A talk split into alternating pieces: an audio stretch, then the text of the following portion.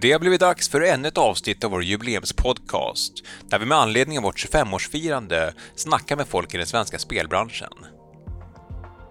I detta avsnitt hör du Avalanche Studios-grundaren Kristoffer Sundberg snacka om konkurser, varsel och miljonskuldet Skatteverket. Han berättar hur Avalanche startades för att bli av med dessa skulder samt hur en vattenrädd grabb numera driver ett framgångsrikt swimrun-märke och försöker komma ifrån spelbranschens pengafokus med sin nya studio Liquid Swords.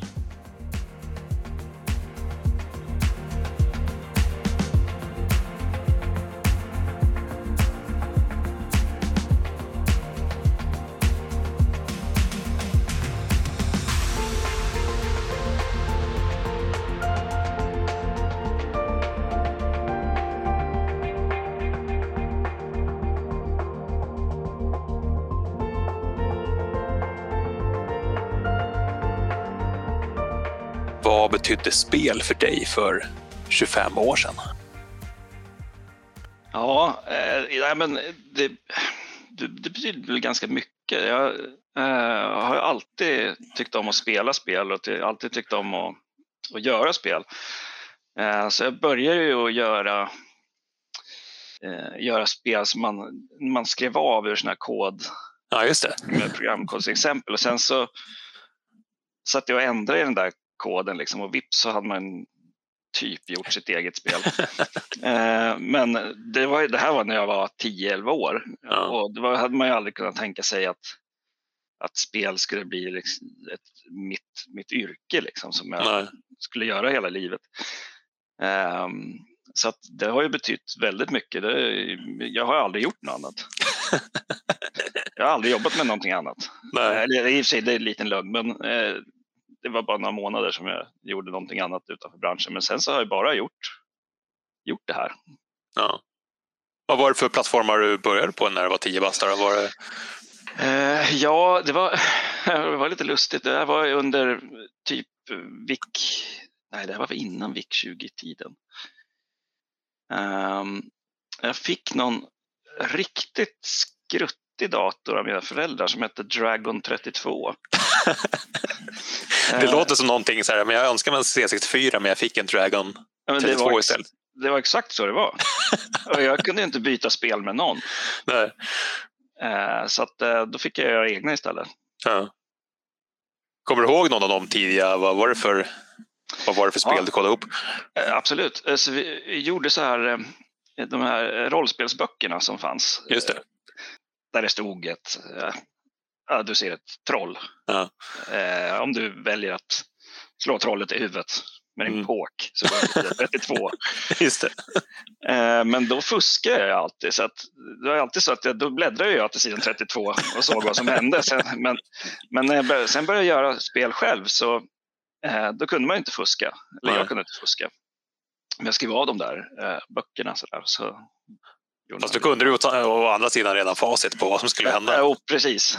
Eh, men det fick man av, avlära sig. Ja. ja, du hade redan då insett att man kunde quick-savea och quick-loada när man hade tjuvkollat det i böckerna. Precis. Ja. Men hur kom du in i spelbranschen då? Jag eh, hade, jag hade en liten kort resa i läkemedelsindustrin. Eh, det var bara under några månader som jag jobbade som, som programmerare faktiskt eh, okay. på Astra eh, i ett ställe som heter Westboro som låg strax utanför Boston. Och sen så, då, så efter det jobbet, för det var ett litet projektjobb bara, mm. praktik, så, så hade jag skrapat ihop så pass mycket pengar att jag kunde resa runt i, i USA.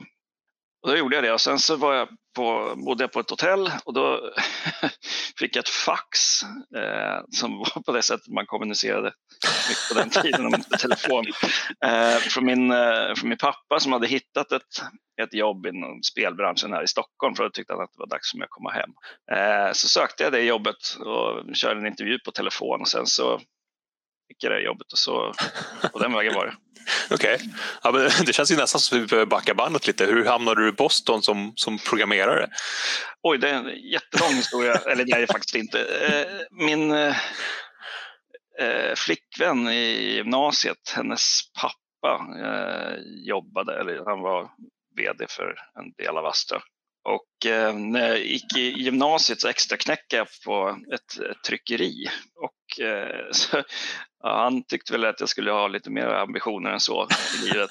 Eh, så att då, då ordnade det där, den där praktikjobbet åt mig. Så att, eh, så hamnade jag där. Ja, men var du självlärd programmerare då eller hade du gått? Det fanns ja. väl inga programmeringsutbildningar då? Nej, nej, jag var självlärd och dessutom så eh, programmerade jag mot såna AB, eller vad heter det, AC 400 den här stora mainframe-datorer med den här band som var ja.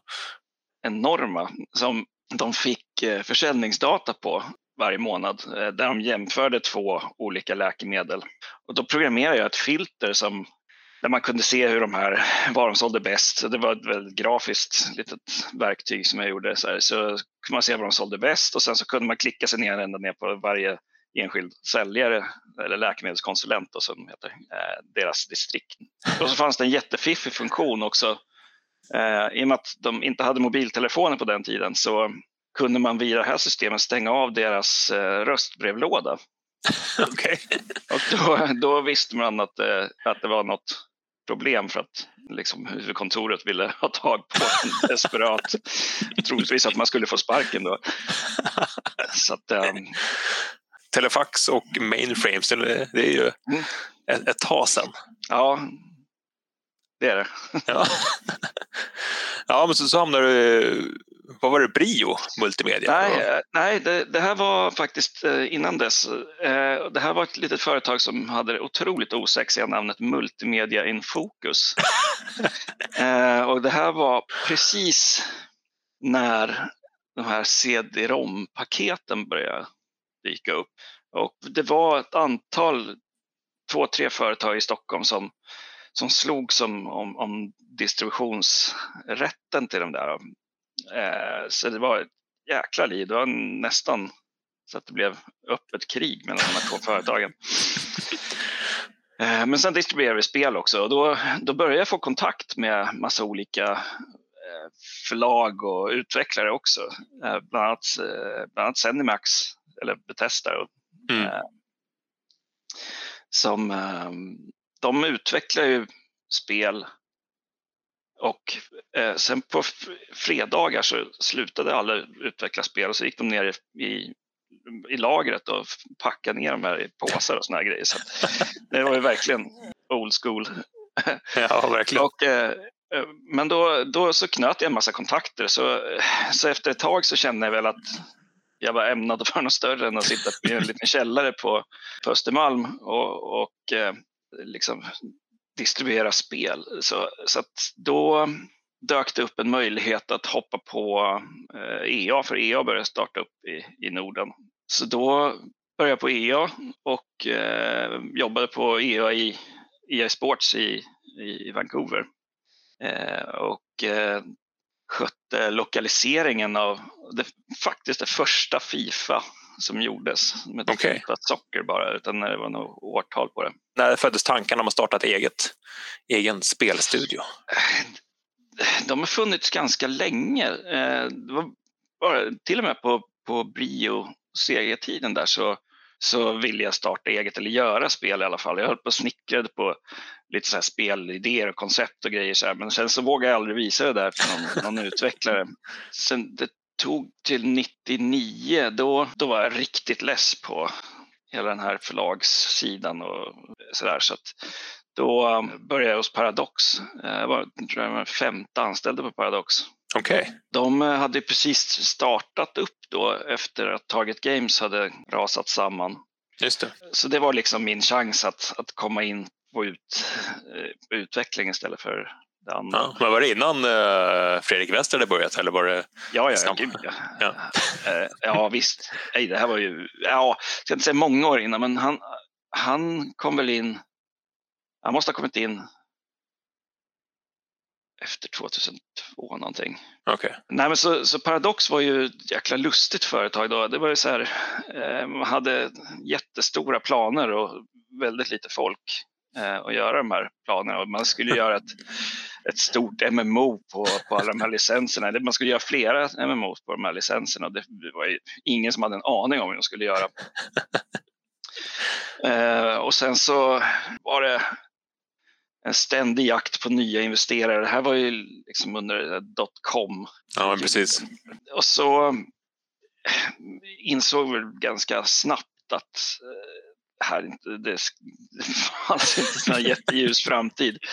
Eh, vi, vår, liksom, vår största livhanke var att vi gjorde, dels så gjorde vi några spel som vi släppte själva, men mm. eh, det sista spelet jag gjorde där var Eh, det är inte riktigt sista, eh, näst sista var det här knasiga E-Type-spelet, Sveakampen. Ja, just det. Som eh, inte var så där jättebra.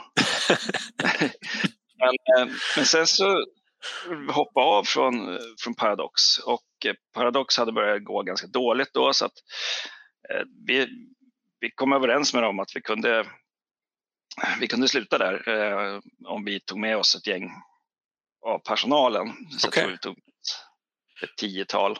Och eh, jag, tror vi, jag tror det var 16 faktiskt, eh, för att vi var tvungna att säga upp några stycken. Okej. Okay. Redan första dagen, vilket var lite... Vilket antiklimax.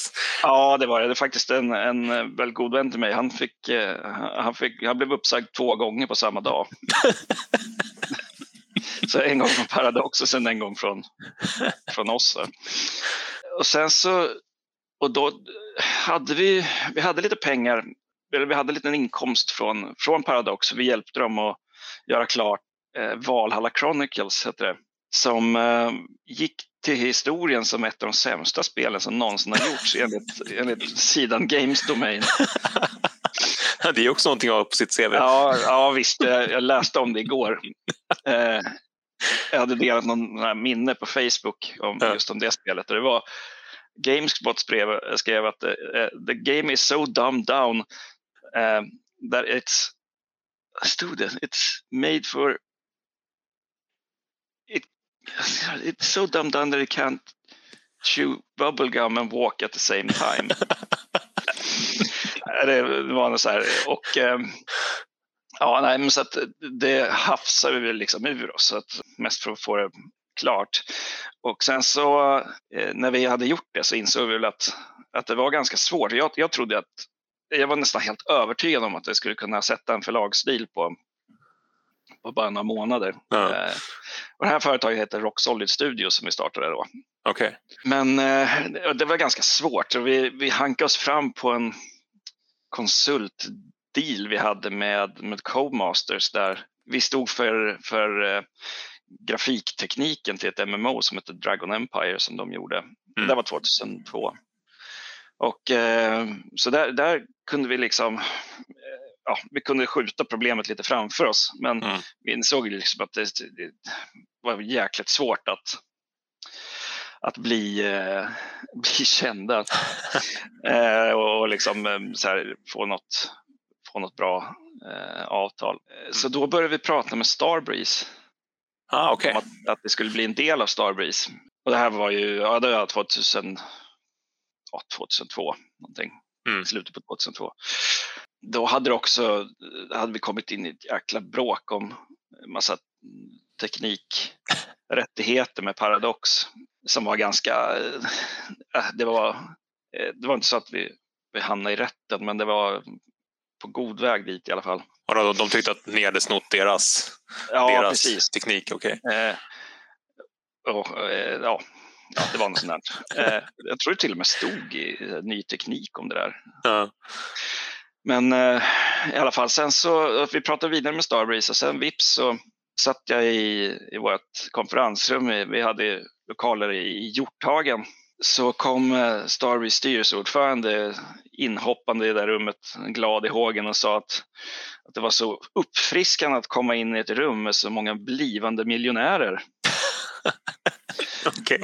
Och eh, tanken hade liksom inte slagit mig att jag så här, ska jag vara miljonär? Liksom? Det, det, låter ju, det låter ju rätt skönt liksom. Men, men eh, så skrev vi på och de gick ut med det där i, i pressen och allting. Mm. Sen så när dagen kom att det var dags att betala så Eh, då blev det tyst. Sen så, och dagarna gick liksom, och det är inte ett ord från dem. Sen så... Hade du skickat ett argt fax? Nej, eh, Nej, det har jag faktiskt inte. Eh, utan eh, det var många. Jag ringde dem. Jag tror jag ringde deras vd då. Det var så 27 gånger på en vecka utan att få svar. Börja ana oråd. Ja visst. Så att, och sen så kom de krypande ur något buskage och kom dragande med en advokat och sen, sen, sen drog någon på historia att vi, hade, att vi skulle ha lurat dem på något vis. Och det här var på rättigheterna till ett avtal som de hade överlåtit till oss. Okay. Vi hade inte ens förhandlat det där avtalet. okay. Och, eh, ja, det, var, det var så konstigt, men de visste att vi inte hade en krona att stämma dem för så att de kunde Nej. göra precis vad de ville. Liksom, de skulle kunna sagt att det var vi som välte skeppet Vasa. Liksom. Eh, det, eh, men då, då så, eh, så plus att under den här tiden vi hade förhandlat, då hade vi allting såg så himla bra ut så att vi hade anställt rätt mycket folk och vi hade köpt nya datorer till alla och sådär. Mm. Och sen så fick vi aldrig några pengar av Starbreeze och betalade med det där, så vi satt med alla de där skulderna. Ja. Och när de inte kunde köpa oss längre, vi fick tillbaka hela företaget i knät, så då satt vi, vi fick ju tillbaka alla skulder också. Och då kände vi väl att det höll på att skena helt åt fel håll, så då valde jag att, att sätta det i, i konkurs. Mm. Så att Rock Solid Studios var inte så där jätterock solid. Ironin. Ja, verkligen. Nej, och, sen, och det här var jättelustigt för att samma kväll eh, som jag gick och la de här fruktansvärda papperna som man fyller i när man ska sätta ett företag i konkurs, mm. så hade jag varit med och lagt dem på, på brevlådan. Så kom jag upp till min lägenhet eh, där min, min tjej då, som var höggravid sa att vi var tvungna att åka till sjukhuset för att det var dags. så jag blev, blev pappa och luspank på, på samma dag. ja, det låter nästan som polare som blev uppsagd två gånger på samma ja, Ja, visst. Nej, så det, var, det var ju riktigt, riktigt rörigt. Eh, och sen när jag kom hem från BB så var det dags att ta tag i jobbet och bli pappa samtidigt. Och det var världens kalabalik. Alltså bara det här låter ju som ett halvt Hollywood-manus liksom. Ja, ja det, var, det var närmast komiskt faktiskt. Vi sa att, till dem att eh, min ambition var ju att, att vi skulle kunna vända på det här och liksom rekonstruera mm. företaget. Men där satte konkursförvaltaren stopp genom att kasta ut oss från lokalerna och, och sen har man ju som konkursförvaltare har man ju någonting som heter presumtionsrätt. Okay. Där liksom allting inom lokalen är företaget, så det, mm. det tog de. Förutom min laptop som jag lyckades stoppa ner i min ryggsäck och gick ut med. och det gick så långt så att när vi satt där och pratade med dem, och säga, vi, vi försökte säga att, att det är helt omöjligt för oss att, att kunna betala alla skulder eller, och rädda företaget mm. om vi inte kan jobba. Och det satte ju de stopp för. Eh, genom att kasta ut alla i lokalen. Ja. Och, så då, då, var det någon, någon advokat där som stammande sa att han, han, han skulle ringa be polisen om handräckning för att kasta ut oss handgripligen ur lokalen. och eh, men då sa jag så här, men, eh, ja men ring polisen då. Och så ringde de polisen och sen så precis när jag såg polisen komma genom fönstret så, så tog jag min laptop, stoppade ner den i ryggsäck, så mötte jag polisen i trapphuset på vägen upp. De visste inte att jag var jag, men då hade vi gått därifrån så det fanns ingen att kasta ut heller. eh, och sen därefter så, så var jag så fruktansvärt arg eh, på allt och alla. Och, hade säkert eh, sovit jättebra som nybliven pappa också. Ja, ja, det hör faktiskt lite till historien det också. Det var så här att Ester, min äldsta dotter, hon, hon, hon sov jättebra när hon åkte bil så, här, så att när på kvällarna och nätterna när, när hon inte kunde sova hemma så tog jag stoppade ner henne i sin bilstol och sen så åkte vi en sväng mm. på stan. Och då brukar jag roa mig med att åka ut till den här lokalen i Hjorthagen där vi hade för det hade de, jag hade nycklarna kvar. Eh, och sen hade de satt upp ett, ett så temporärt larm. Så då gick jag in och så satte jag liksom bara foten så det där larmet började tjuta. Och sen åkte jag, ställde mig på parkeringen i mörkret och väntade på att väktarna skulle komma. Eh, och, och, det var jättekul för det kostade den här konkursförvaltaren 3000 kronor varje gång det larmet gick. Så, så det var min, min lilla hämnd när jag åkte runt på stan mitt i natten med en liten bebis i bilen.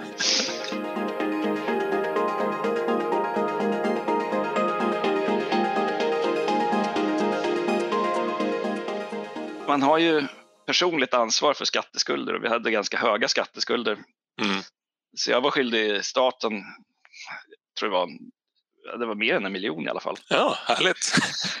Och så satt jag och kliade mig i huvudet och tänkte hur jag skulle kunna bli av med den där skulden. Men, eh, och det insåg jag ganska snabbt att den här tiden liksom, att jag skulle kunna göra det genom att ta en anställning någonstans. Det, det kommer inte att funka. Så att, eh, plus att jag kände väl att, att det var jäkligt kul att ha ett eget företag. Mm. Jag hade väl inte gjort, gjort så mycket fel mer än att jag var naiv och litade på fel personer som eh, gjorde till att det där, allt det där hände. Då. Så att då bestämde jag mig för att, att starta upp Avalanche. Och det här var i mars 2003. Mm. Så gjorde vi det. Eh, det var några som hade jobbat på a-kassa innan så här, som kunde eh, jobba lite vid sidan av. Och jag satt hemma och snickrade på spelkonceptet Just Cause mm. som, eh, som jag skrev hemma i köket. Men var det, någon, var det en idé som hade legat och liksom skvalpat länge eller var det någonting som du bara... Nej, alltså det dök upp. Ja, jo, lite, lite så var det väl. Uh, I och med att den tekniken vi hade på, på Roxolid Studios var en, en stor öppen värld. Alltså, det var ju så gigantisk den här världen, den var ju oändlig. Mm.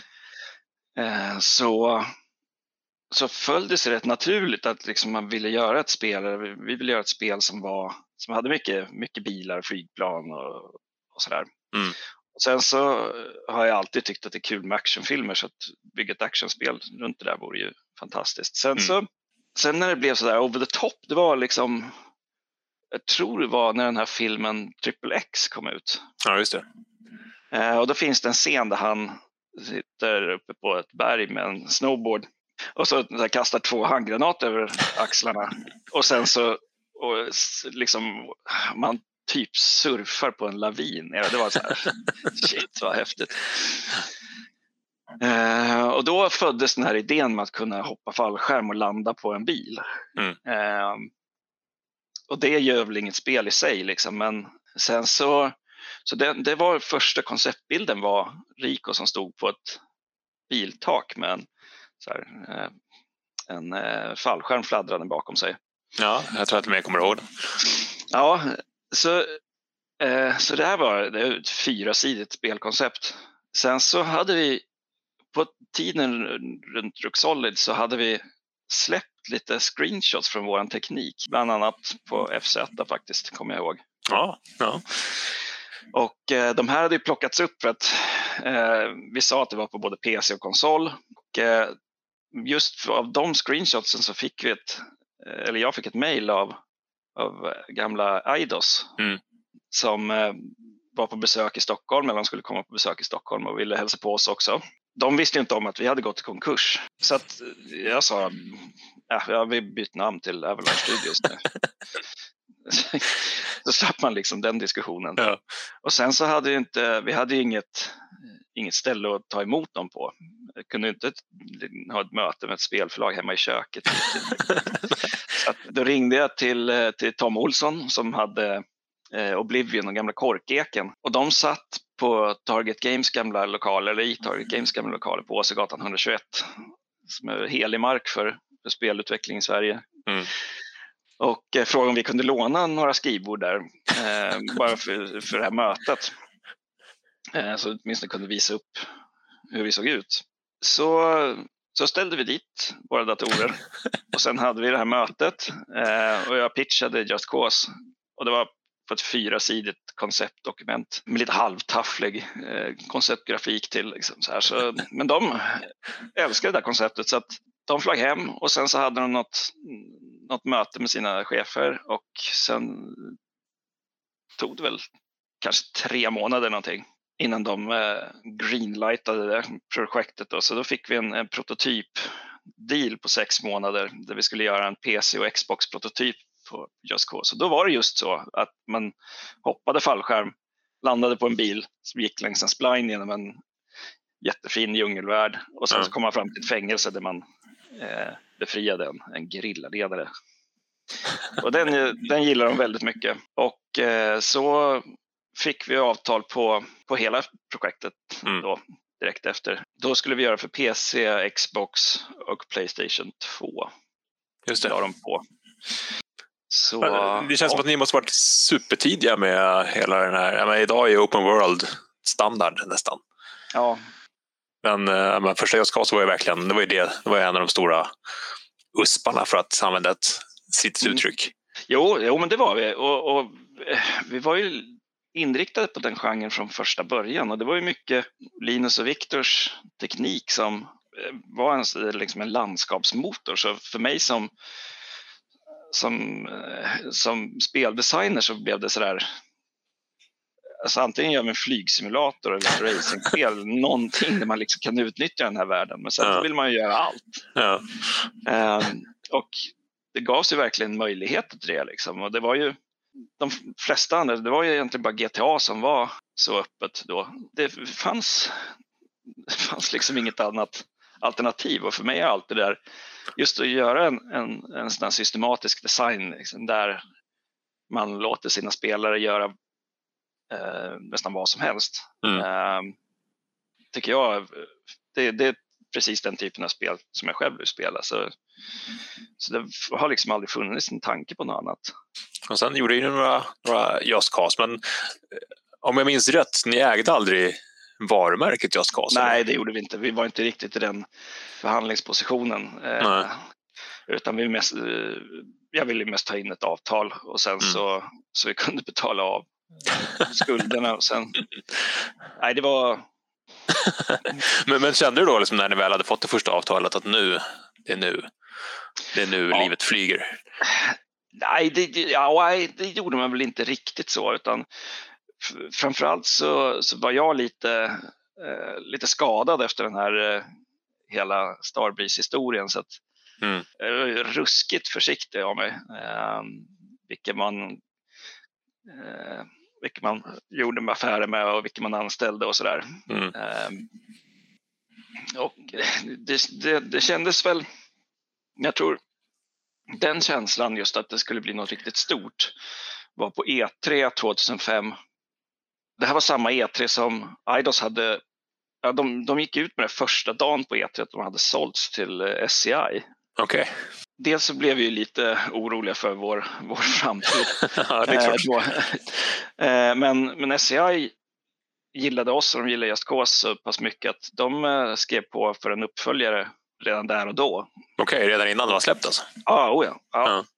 Det var nästan ett år innan. Så det kändes jättebra och sen så visade vi Just Cause, eller jag gjorde det. Jag stod själv i tre dagar på E3 från morgon till kväll. och vi, vi hamnade liksom, det här var ju första gången vi visade upp spelet och det var, all, det var första gången jag insåg att vi alltid skulle hamna i skuggan av de, deras egna spel. Så att, mm. Och det kom alltid ut något Tomb Raider eh, i samband med Just Cause som tog all, all plats. Liksom. Och sen mm. Hitman efter det och sen ditten och datten. Liksom. Vi fick liksom, när de andra spelen fick en vägg i deras, de hade som ett mötesrum på, på uh, våningen där på eh, LA Convention Center. Mm. Så, så fick vi ett litet hörn. Eh, alltså det var ett litet sån här podium, typ som vi skulle visa upp någon, någon grej på en laptop. Det, alltså det var, det var så pyttelitet och en sån här roll-up. Ja. Men sen så började folk att och, och se Just Cause liksom. och ryktet gick där liksom på, på E3 och eh, till slut så hade vi lång kö mm. eh, framför våran lilla skärm där jag stod. och eh, då, då kändes det liksom så här, men nu har vi verkligen något, något stort här. Mm. Eh, så det var ju en fantastisk känsla. Då växte ju självförtroendet hundrafalt där och då. Så du åkte hem från eh, Los Angeles med, med en bra känsla helt enkelt? Ja, verkligen. Ja. Verkligen. Och hur var det? Ja, men då blev ju Just Cause det första spelet ni släppte med, med ja. den känslan också. Absolut. Hur, eh, hur var det? Eh, jo, det var ju helt fantastiskt. Och jag var, jag var, det släpptes, och det var en vecka innan i USA, en vecka innan som det släpptes i Europa. Så jag var på båda ställena när det släpptes. Okay. Jag har eh, något foto någonstans i, där jag står framför en vägg när de hade massvis med posters med Just Cause. Och så var det, mm. det var liksom Just Cause och sen, vad heter det där bandet, The Killers? Ja, just det. Ja. Ja, det var vi de på den här väggen, så det var liksom så här rockstjärnekänsla. och sen så, när jag kom hem så var det samma sak här hemma. Liksom, att, mm. uh, och uh, då hade vi börjat på, på Cause 2 också. Och då, då känns det så här som att vi kunde göra vad som helst. Så ja. Jag blev ganska kaxig där. eh, och det var så här, vi, vi, skulle bara göra spel på våra egna idéer och mm. vi tackade nej till allt möjligt. Så här, massa stora spel. Har du några exempel? Ja, Call of Duty. det, har gjort. det här var 2006 då. Ja. Så att, 2006, 2007 ett Bondspel som vi var så här, nej det verkar inte så kul. så här. Det hade blivit kaxig helt enkelt. Ja absolut. Eh, men, men det gick så pass bra så att dels så hade vi ju Just Cause 2 under mm. utveckling. Sen så började vi på ett, ett spel med ja, gamla THQ innan det blev THQ Nordic. Mm. Eh, eller innan de gick i konkurs. eh, som hette Arcadia Rising som var ett retrofuturistiskt open world-spel som utspelar sig i ett, eh, en version av London på 30-talet eller någonting. Så här, okay. Steampunk-spel. Ja, det, var, det skulle kunna blivit så bra det spelet om det hade kommit ut. eh. Det känns som att det var vanligare på den tiden att, att det dök upp projekt som som man fick se bilder och filmer från men som liksom bara rann ut i, i, i ja. sanden till slut. Det är lite mer planerat. Nu. Ja visst. Men, ja, men så, eh, så vi började jobba på det och sen så eh, började vi på ett annat spel med, eh, med Disney. Mm. Ett fantasyspel. Eh, och eh, så att vi växte ju under 2007 och 2008 så var det ju eller 2007 i alla fall, så var, jag tror vi anställde 90 pers på ett år, vilket var så här galet. Galet då. Ja. Och eh, sen var jag på väg till, sen ja, klev jag av planet i San Francisco för GDC där i mars någon gång 2008. Mm.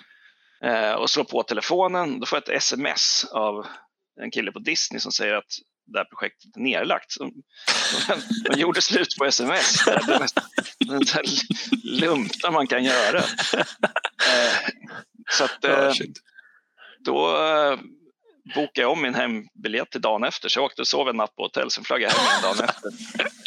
Skönt. Tillsammans med vår AD, Stefan Ljungqvist. Då. Och då, då var det faktiskt inte så farligt. Det var klart det var tråkigt att få ett projekt nedlagt. Men dels så var de så schyssta att eh, vi fick tillbaka det som vi hade gjort. Så vi kunde mm. paketera om det där och försöka sälja in det och, och mot att de skulle fått en royalty eh, ja. Men så kunde vi även flytta över det teamet som jobbade på det här Disney-spelet till eh, dels Just Cause 2 och dels till det här eh, projektet som vi hade med THQ. Och sen gick månaderna fram till september 2008. Då så eh, blev det så här märkligt tyst från, eh, från THQ. Eh, och det är aldrig bra när, när ett förlag eller någon eh, går under jorden sådär. Eh, och sen så kom deras bokslut och det var bara röda siffror och sen så mm. då visste jag precis vad som skulle hända. Så, här, så då var det bara att kavla upp ärmarna och, och samla alla så vi kunde komma på en plan framåt för att vi visste att det skulle bli nedlagt och så blev det nedlagt en vecka efter. Och då, det här var ju bedrövligt. Så vi, vi bestämde oss för att varsla tror jag, drygt 100 personer. Men liksom, ingenting av det här hade ju synts internt utan allting var ju bara glass och ballonger. eh, så vi samlade alla, hela personalstyrkan då, så vi var ju 180 pers då, vårt mötes, ja, där vi hade stormöten så där. Jag kommer ihåg, jag gick upp för trappan där med, med några och som, eh, som sa så här, oj nu ska de nog säga eh, vilket projekt som de har. På här. Ja, oh, gud. Eh, och alla var jätteglada så här i tio sekunder tills jag sa att vi oh. hade förlorat där Arcadia Rising då, att vi var tvungna att, att varsla så många. Så att, eh, och sen så precis innan det mötet så, så ringde jag runt till alla de andra bigwigs i svenska spelbranschen och sa att ni kommer snart att få en massa ansökningar från folk härifrån. Ja. Eh, och att eh, det är bara bra folk eh, och liksom vi ville att alla skulle hitta nytt jobb så snabbt som möjligt. Mm. Och sen bara för att ta koll på, på ryktesspridning och sådär. Mm. Och eh, vi sa det även ut i pressen också till våra för, ja, enda förlag som vi hade kvar, vilket var hette de SCI då eller var det Square Enix? Nej, det var SCI tror jag. Ja, jag minns inte när de, när de skiftade. Eh, men sen så, det här var ju jättetufft då, liksom. det var förhandlingar med, med fackförbund och mm. eh, men jag, faktiskt så, det var ingen som lämnade och tyckte att de hade blivit orättvist behandlade utan Nej. Alla förstod och det var, vi sa ju det att vi, vi kommer ju återanställa så många som vi kan sen när, när det väl... Ja, ja det är klart. Ja. Eh, nej men sen så, och så började vi eh, pitcha nya spel för att ja, ha någonting att jobba på. Eh, och ett av de här koncepten var ett postapokalyptiskt spel. Och då refererar vi alltid till Mad Max liksom, som mm. Eh, supervärlden eh, liksom, som, som man eh, såg upp till så otroligt mycket. Ja. Eh, och det var väl ingen som var så jätteintresserad av det där. Så att hela 2009 var en jäkla uppförsbacke. Men sommaren 2009 så kontaktade Warner Brothers oss och undrade om vi var intresserade av eh, att göra ett spel på Mad Max istället för på en egen. Okej, okay. och de visste inte om att ni hade pitchat ett sånt? Jo, då, vi hade pitchat till dem också. Okay, ja. Och vips så satt jag på ett plan ner till Australien och så träffade vi eh, George Miller där nere på hans eh, studio och, och pitchade våran idé av, av Mad Max till honom. Då. Mm. Och vi hade ingen aning om vad, vad filmen skulle vara för någonting. Men, eh, men han, han gillade det väldigt mycket då, uppenbarligen. Och vi spenderade en, jag tror vi spenderade en vecka där nere. Eh, med, med honom och hans, hela, hela teamet där nere. Han gick igenom hela manuset med oss manuset var, som en, var nästan som en, en serietidning. Okej. Okay.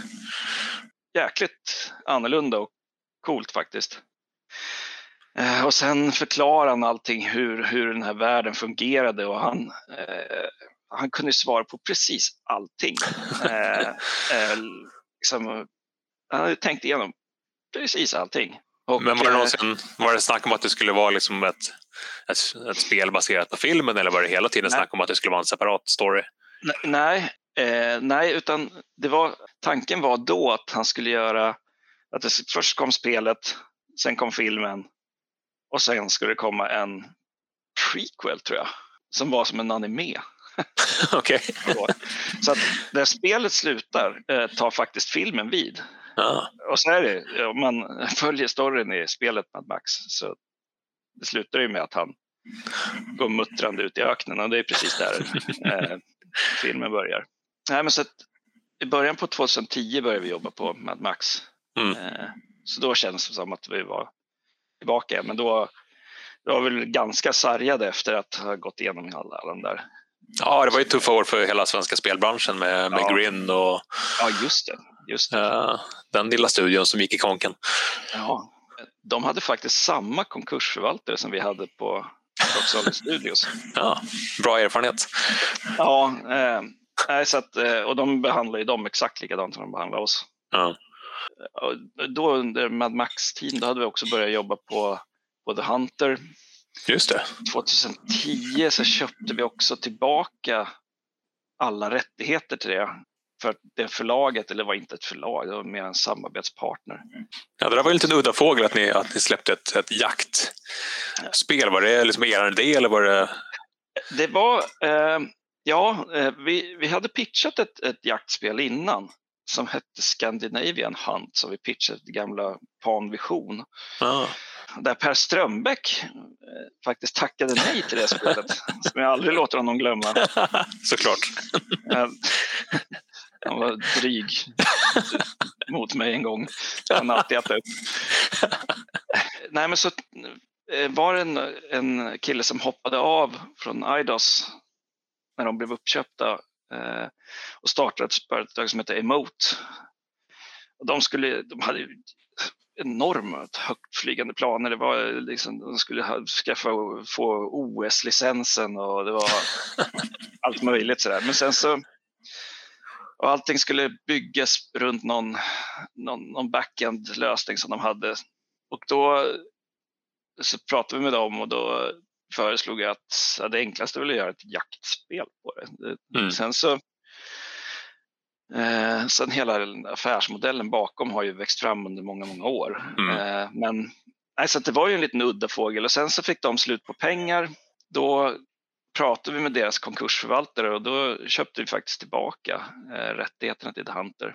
Mm. Eh, och sen eh, fortsatte vi med det själva. Så att eh, det var ju lite slumpen att, att det hamnade tillbaka hos oss då. Ja. Men, men ändå så, Det var väl lite tur att ni fick eh, någonting positivt ur en konkurs och inte bara massa Ja, strul som innan. absolut. Och sen så började vi jobba på eh, Renegade Ops som var vår här Twin Just top down, ja, just det. Mm. som var en idé som kom eh, från ett gäng på, eh, från Just Cause-teamet som var lite less på att jobba i de här jätteteamen och ville jobba på någonting lite mindre och lite mer, lite mer fokuserat och någonting som i teorin då skulle kunna bli klart mycket snabbare. Men Mm. Jag tror det tog, tog nästan tre år för det, för det att bli klart också. Eh, och eh, sällan har vi sett så mycket övertid på, på Avalanche som då. Risken med, med hjärteprojekt. Ja, precis. Ja, Eh. Då, hade vi också börjat jobba på ett, ett till spel med Disney faktiskt, mm, baserat på Iron Man. Okej. Ja, det hade ju varit en bra match känns som. Ja, det var, det var jättebra eh, fram tills 2012 när Disney började strula igen och de ville ta bort ett, ett år på utvecklingen och lägga till massa miljoner dollar på budgeten istället. Okej. Och de tyckte det var så här, ja men det är bara att ni anställer lite folk. Lite folk i deras värld var ungefär 100 personer som vi skulle anställa på ett år. Ja. Och få börja jobba effektivt Ja. och hela biten. Liksom. Ja, och så att jag hade telefonmöten med dem, eller Skype eller vad det var, säkert tror under ett halvår, fyra dagar i veckan. Mm. Eh, och allt på nätterna. De satt i Kalifornien så här. Så att, jag var helt slut. Men sen så slutade det med att jag verkligen bad dem att lägga ner spelet. Det Alltså, hade, det hade knäckt oss fullständigt om det ja, du hade ju sett riskerna med att expandera snabbt. Och liksom, Ja, precis. Och dess, dessutom skulle det varit omöjligt. Ja. Då var vi tvungna att lägga ner det och det var ju väldigt tråkigt eh, såklart. Och det här var ju också i samma veva som vi hade startat upp i New York. Ja, nej, det, var, det var tråkigt för det hade verkligen kunnat blivit. ja, det låter ju som en match Ja. made in heaven. Ja,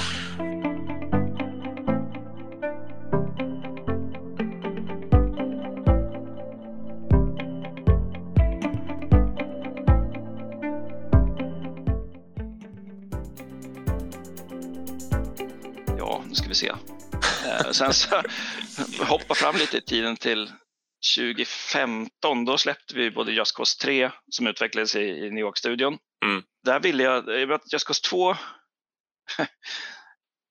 som faktiskt blev det bästa spelet i serien, så om man tittar tillbaka på det nu. Mm.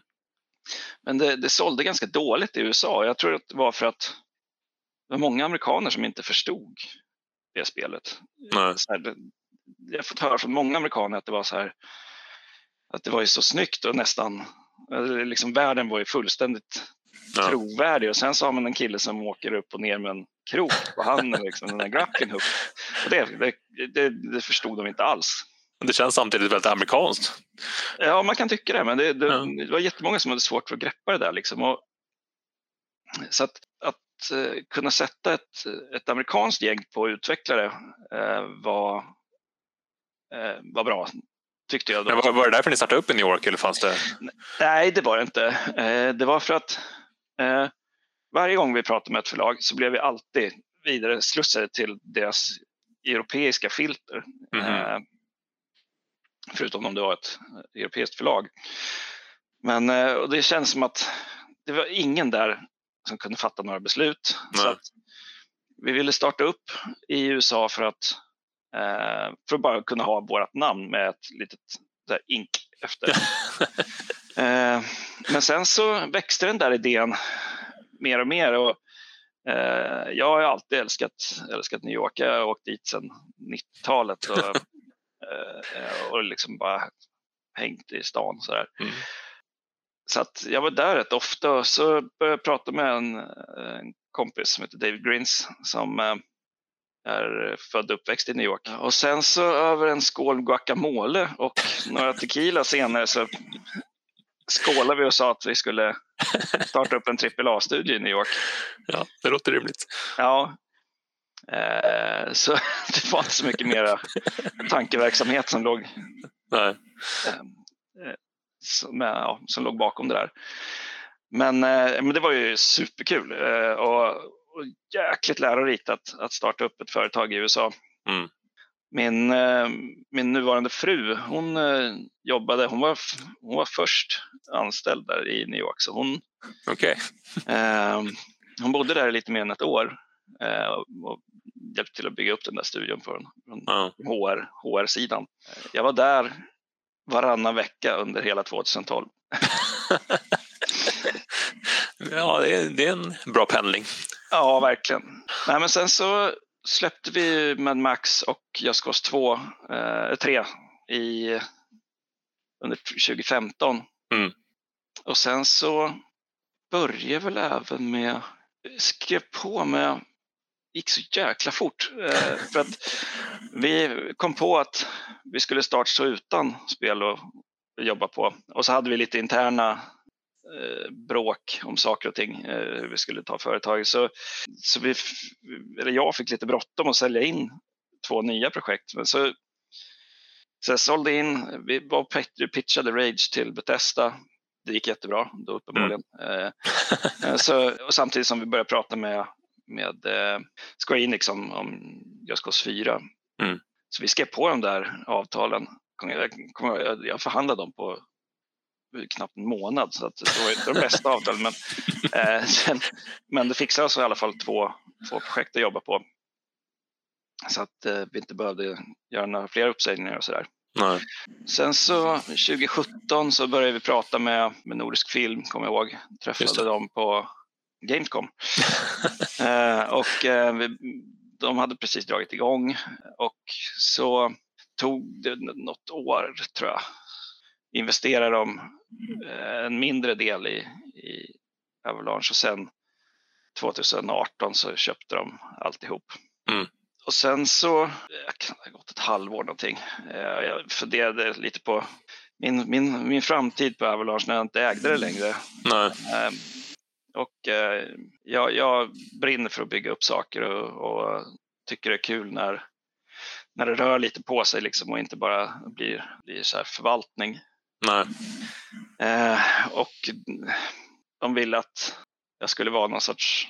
Här, jag har ju nästan alltid varit ansiktet utåt på Avalanche. och eh, fortsätta vara det och liksom vara någon sorts kulturförvaltare. Mm. Ja, men ofta skriver man in sånt där i kontraktet när man köper ett företag att Ja, grundarna precis. ska vara kvar en viss tid. Liksom. Ja, eh, det tror jag vi hade också. Men eh, sen så bestämde jag mig för att, eh, att kliva av och sen så kom vi fram till en bra tidpunkt att göra det där. Och det var när eh, Avalanche delade upp sig i, de här tre divisionerna som de har nu. Mm. Just det. Eh, för då, då känns det som det är ett rätt bra läge för mig för att då kan man motivera att ha tre creative directors på varje istället för att jag ska springa runt på tre. Ja, precis. Ja, men det kändes som ett nytt steg för hela företaget. Ja, eh, så då hoppade jag av och, eh, och sen dess så har jag hållit på med, med sport. Ja, du... Eh, swimruns verkar ju vara... När hittade du den passionen? Det gjorde jag 2014. Då var det en kompis som, eh, som gjorde eh, ÖTÖ, det där loppet som går från Sandhamn till Utö. Mm. Jag tyckte det var så jäkla häftigt. Och, så då, då ville jag också göra ett swimrun, men började med lite, med lite kortare. Så då anmälde jag mig till ett och då insåg jag i samma veva att jag inte kunde simma. Var det liksom, är det sånt man inser när man ska göra en sån grej? Att man, man, man kan fritidssimma men man kan inte simma? Jag kunde faktiskt knappt det. Jag, jag hade en drunkningsincident när jag var fyra. Okay, ja. Jag ramlade ner mellan två båtar på kvällen. Ja. Och sjönk mot botten. Min mamma hoppade i och fiskade upp mig. Mm. Och sen dess var jag livrädd för vatten så att jag lärde mig bara doppa huvudet när jag var 13. Mm. Eh, så, att, eh, så det där med att simma, liksom, jag har alltid haft enorm respekt för vatten. Mm. Att duscha under alla de åren som jag inte kunde simma var ju en mardröm att få vatten i ögonen och sådär. Så att, uh -huh. eh, och då är jag ändå mer eller mindre uppväxt på sjön.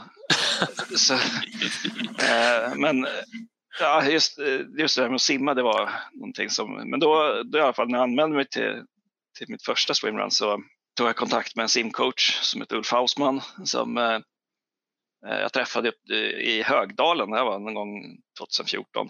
Mm. Och, eh, Högdalen simhall, simhall eller? Ja, precis. Ja. Där har man badat. Ja, så, så bad han mig att simma en längd. Och eh, jag vevade på så, så gott jag kunde. Och hans blick när jag klev upp, det kommer jag aldrig att glömma. Det var så här, oj, här har vi lite att jobba med. Men eh, så kom jag in på, på swimrun och det, det som jag gillar så mycket med swimrun är ju att man, det är den här äventyrskänslan, liksom, att man tar sig från ett ställe till ett annat helt utan stopp. Mm. Så det är, liksom, det är den enda idrott som jag någonsin har varit intresserad av. Mm. Jag, jag började springa rätt mycket när jag, när jag skilde mig 2010, 11. Mest för att rensa skallen. Så Ja. Innan dess så, så hade jag inte rört ett finger. Och då blev det så här, först sprang jag tre kilometer och sen så efter några månader sprang jag tre mil. så där blev jag verkligen biten av. Och sen så lägga på simning på det var ju superkul. Så du är inte så rädd för vatten längre? Nej, nej det är jag inte. Eh, Jag simmar faktiskt med Mulf tre dagar i veckan än idag. Okej. Så att, eh, eh, nej men sen så 2017 så startade jag ARK tillsammans med två andra. Och där dök upp en idé liksom att swimrun är en svensk sport men ingen utrustning görs i Sverige. Nej. Utan Head hade en distributör i Sverige då, eh, men inga dräkter designades med, med de swimrunners som faktiskt Nej. fann. Och det var någonting som jag kunde ta med mig från spelbranschen. Att man, gjorde, man gör ju väldigt mycket spel med communityt. Man Ja. frågar alltid communityt. Och det där fanns ju ingenting av inom, inom swimrun och triathlon. Så vi började utveckla en, en prototyp till, till en dräkt med, med världsmästarna då. Eh, och de eh, hade sånt förtroende för oss att de, när, vi, de, när det var dags för att jag VM då som är i september Mm. så körde Daniel Hansson och, och Jesper Svensson i en prototyp av, av den här dräkten. Okej. Och det, skulle, det hade ju inte testats under sådana förhållanden. Jag testade den ganska hårt men inte under 6,5 mil löpning och en mil simning. Nej. Eh, Men de, de slog världsrekord. Det var första gången någon gjorde att jag under åtta timmar. Och, eh, och vann då såklart. Och damklass vann också med våra dräkter. Mm. Så då hade vi, det var ju bästa lanseringen av varumärket vi kunde ha fått. Verkligen. Och då kände väl jag mig rätt komfortabel med att kunna investera lite mer. Så vi tog fram den första, första dräkten och sen så har det växt Mm. på sig. Så det är sen jag slutade på Avalanche är det det som jag har gjort tills, till slutet på 2020. Ja. Men alltså det, det är ju för en som bara fritidsspringer och fritidssimmar så är det, liksom, det är sådana mängder. Det är liksom så, mycket löpning och så mycket simning. Jag måste, kan ju tänka mig att det måste vara en enorm kick att väl gå i mål. Men, men vilken kick är, är bäst? Gå i mål på ett swimrun eller lansera ett spel? Oj. Uh, ja, det är svårt att säga. Måste du välja mellan de två darlings? Ja, ja. Nej, men uh, det, är, det är ganska lik känsla faktiskt. Det är någonting som man, man tränar i flera år för att göra ett sådant lopp och, och, man, man bygger upp ett spel under flera år för att släppa mm. det. Så att känslan är ganska identisk. Men eh, alla swimruns är ju inte så där långa. Det finns ju korta också, så finns det ju mm. sprintlopp och sådär. Så att, mm. Det är bara att testa någon gång. ja, man blir lite sugen när man går in och, och läser på om era, era grejer, helt ja. klart. Eh, nej men sen så, eh, och det som är lite roligt också är att när jag slutade på, på Avalanche så var jag faktiskt ganska less på spelbranschen. Det hade ingenting med, eller lite hade med Avalanche att göra också. Men mm. Kände du att du hade, hade uppnått det du ville uppnå? Eh, absolut. Och eh, det, det, det, jag tyckte, jag tycker fortfarande att hela spelbranschen är bara massa siffror nu. Det, det är liksom inte nu låter jag jättegammal, men det, det, det, fanns, det, en tid, ja, det fanns en tid då, då spelutvecklare kunde man firade varandras framgångar eh, mm. och hela, man insåg att liksom alla hjälptes av ett bra spelsläpp. Mm. Alltså jag minns ju de här releasefesterna som var på i mitten av, av 00-talet och ja. ett par år till ja. i, i Stockholm. Liksom. Det var ju fantastisk stämning. Men mm. eh, jag har svårt att se att de skulle fungera lika bra idag. Nej, det blir lite svårt. Ja. Eh, kanske kommer tillbaka, det får vi hoppas. Eh, nej men, eh, jag tycker att det, eh, det är inget fokus på spel längre. Utan allt man läser om är bara så här, hur stora investeringar företag gör, hur, hur stora belopp det är när någon köper upp något, eh, mm. hur mycket folk tjänar. Och, eh, det, det, är liksom inte den branschen som jag, jag eh, tycker om och vill jobba i. Utan, så att det känns jäkligt bra att under ett års tid Dels så fick jag inte jobba med spel för att med compete, men, eh, med att, eh, att fokusera på något helt annat. Mm. Ja, men det är klart. Man behöver ju perspektiv ibland också. Ja. Men eh, sen så har jag under det här året så, så har jag eh, kommit på mig själv flera gånger att spela spel mycket mer än vad jag mm. gjorde när jag jobbade med spel. Och spela spel på riktigt. Liksom. så här, man sitter i soffan liksom. Och, eh, när man jobbar med spel så blir det mer så här att ah, jag ska spela lite Cyberpunk för att kolla hur de har löst mm. den här saken och den här saken. Liksom. Så att, och testa lite så här. Alltså jag, jag känner ju likadant med när man sitter och granskar spel. Ja. Och nu är, alltså, mitt botemedel på det har ju varit att lira spel typ tre år efter de har släppts. För då har liksom all, allt snack och eh, sånt dött bort. Så nu sitter jag och lirar God of War till exempel. För ja. nu, nu kan man bara, bara njuta av det. Ja, ja men det, jag är lite likadan faktiskt. Nej, men sen så dök det upp en idé under sommaren på ett spel. Och eh, som sagt, jag tycker det är kul att bygga saker så att eh, då pratade jag lite med Paulina hemma om som undrar om jag hade energin att starta upp nytt igen. Men eh, då bestämde jag mig för att dra igång Liquid Swords. Mm.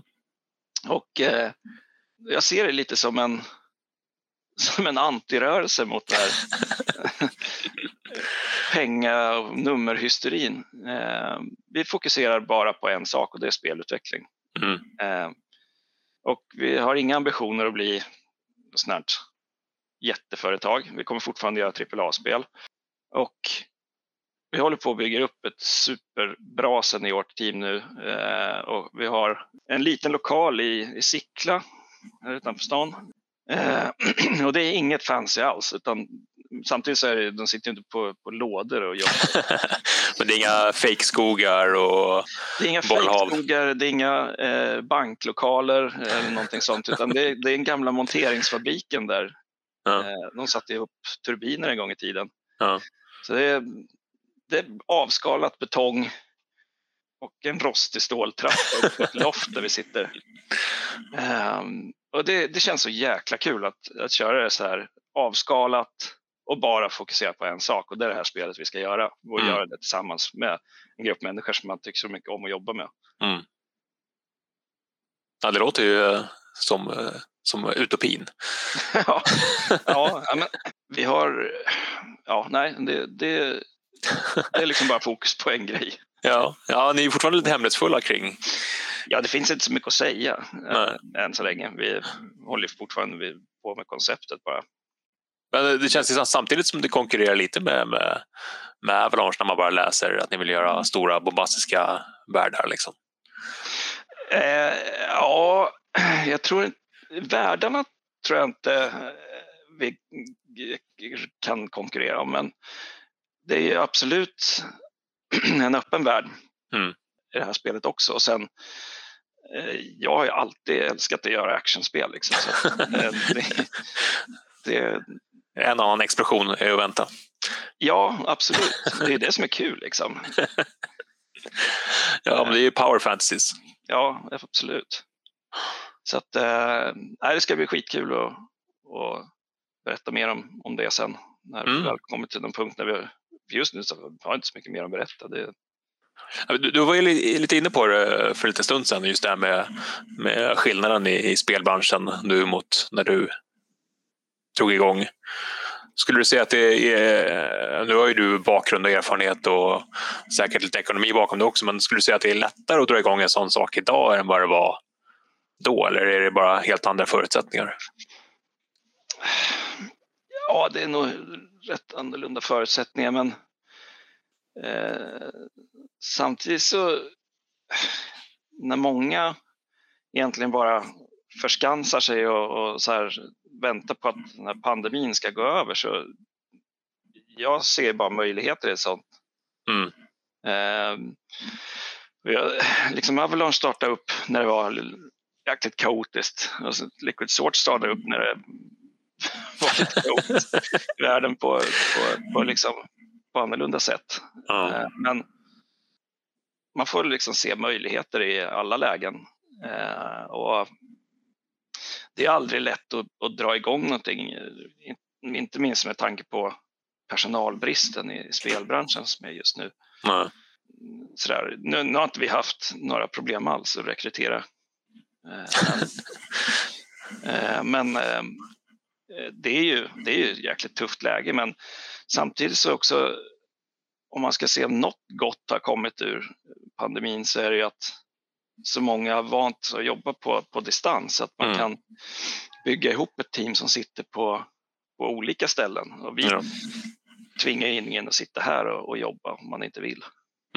Eh, och, eh, så det, det, det funkar bra. Jag tycker många har ju anpassat sig till att jobba på det där sättet och, och har tänkt om. Och många frågar om de kan få jobba hemma ett par, tre dagar i veckan och sådär. Det, det är fine så länge det, det funkar.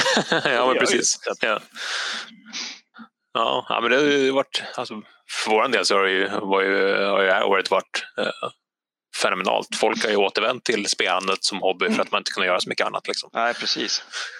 Precis. så, så ur den aspekten så har det ju varit eh, fantastiskt. Sen är man ju lite less på att sitta hemma när man har, ja, men precis så som, som för er, att det är ett- kreativt yrke. Liksom, att man vill Mm. kunna bolla saker med varandra på ett, på ett lätt sätt. Ja, absolut. Och bli av med de här eh, sportkommentatorlurarna en gång för alla. Ja, jag blev så besviken på mig själv för jag hade en, en, en vanlig mikrofon. Eh, Men den tog jag med till kontoret när vi körde live senast. Så då sitter man ändå med de här Ja, gaminglurarna. precis. Eh, En sista fråga bara. Mm. Du är även inblandad i eh, gamingmärket Durken. Yes. Och det fick mig att- fundera lite på, du har också varit inblandad i, dataspelsbranschen under, under många år. När skulle du säga att spel idag är ett etablerat medium? För det känns fortfarande som att många blir lite förvånade över det svenska spelundret och att, att gaming fortfarande inte är ett, ett eh, accepterat kanske är fel ord, men uh, jag tror du förstår vad jag menar. Att det fortfarande är något sånt här som, som främst kids gör. Att det inte är... Ja, ja ska man säga? Alltså, jag tycker att eh, svenska spelutvecklare har ju en enorm talang, liksom. så det finns ju verkligen någonting där. Och, men samtidigt så har ju branschen lockat till sig så mycket Uh, jag håller på att såga här eh, Nej men så branschen har ju lockat till sig så många guldgrävare också för att de ser alla de här pengarna som flyger runt. Och, mm. och det där kan lätt förstöra passionen. Och flera spelstudios har ju startats upp bara med ett enda syfte och det är att tjäna pengar. Mm. Och jag tror inte att någonting bra kan komma ur det. Så att, mm. Jag tycker väl att, att hela spelbranschen har tagit ett litet snedsteg och borde komma tillbaka till lite mera kreativt. Valheim har ju varit ett lysande exempel på, på det. ja, ja, verkligen. Men eh, ja, nej men spel, nu har inte, nu har inte vi blivit medlemmar i, i dataspelsbranschen, spelplan, eh, än. Men eh, jag är ju hedersmedlem där. Alltså, ja. ja, på livstid.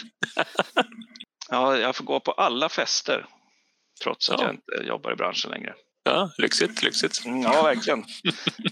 Något ska man väl ha för sitt slit. Ja, precis. Ja, nej men, eh, men Darken är ju lite eh, en rolig historia faktiskt. Dels så, så träffade vi Darken eh, på Avalanche eh, och då så tyckte jag väl inte att det presenterades så där jättevettigt för det, liksom, det sista en spelutvecklare behöver är ju en till svart t-shirt. eh, och, säger du i en svart t-shirt? Säger jag i en svart t-shirt. eh, eh, och, eh, och det var lite så de sålde in det då, men sen så eh, en, mina grannar har investerat i Darken. Så han eh, presenterade mig för eh, vdn på Darken, eh, eller halv, halvny, det är två år snart, han, mm. eh, en kille som heter Carl Bofält som verkligen har, har vänt Darken och eh, mycket mer eh, fokuserat nu på att bygga ett streetwear-varumärke för, för, för gamers. Mm. Och, eh, sen har man gjort några jäkligt lyckade kampanjer med, med, med Activision på, på Warzone eh, och eh, även Cold, Cold War. Cold War.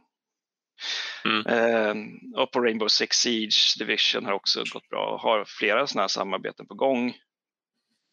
Eh, håller på att kolla på att sy in elektronik i kläderna så att varje klädesplagg har ett litet chip som är kopplat till en app som man kan göra massa roliga saker med. Uh, så att det, tycker det är ett jäkligt intressant företag och vi har rätt mycket kopplingar mellan Darken och mitt sportföretag Ark också. Det mm. producerar kläder liksom så att det mm. Eh, delar lite idéer för produktion och sådär, kan samköra lite grejer sådär så att mm. eh, ja, Ja, men det, det, känns ju, ja, men det känns ju som att det är en, en del av hela ja, men, spelkultur och finns det ju, finns det ju gott om. Men mm. det behövs att det kanske behövs seriösa aktörer som kan göra schyssta grejer som bara inte är en till ja, men svart t-shirt eller en Super Mario-tröja. Liksom. Att det Nej, precis. nästa nivå. Ja, absolut. Ja, men vad spännande. Det ska bli ja. superintressant att se vad, vad Liquid Swords gör. Ja, det ska bli kul att visa. Ja, och jag gissar att det är en uh, Wu-Tang-referens. Gömd där någonstans. I namnet? Ja. Liquid Swords? Ja, absolut. Ja. det är det. Men det finns en liten tanke bakom namnet också. Att med Liquid så är det en liten pekar mot, mot ark. och sen så just att, att vara flexibel och kunna ändra sig och, som vatten är. Mm. Eh, och vatten är en enorm kraft också och dessutom någonting som är helt unikt för, för jorden. Mm. Eh, och Swords, det är egentligen det ser jag som, som de som jobbar i vårt team, det är talangen, de är knivskarpa. så, um, det var lite tanken bakom det. Och sen så plus att jag Jag älskar ju Wu-Tang. Så jag köpte en liten hommage till, till Gissa också.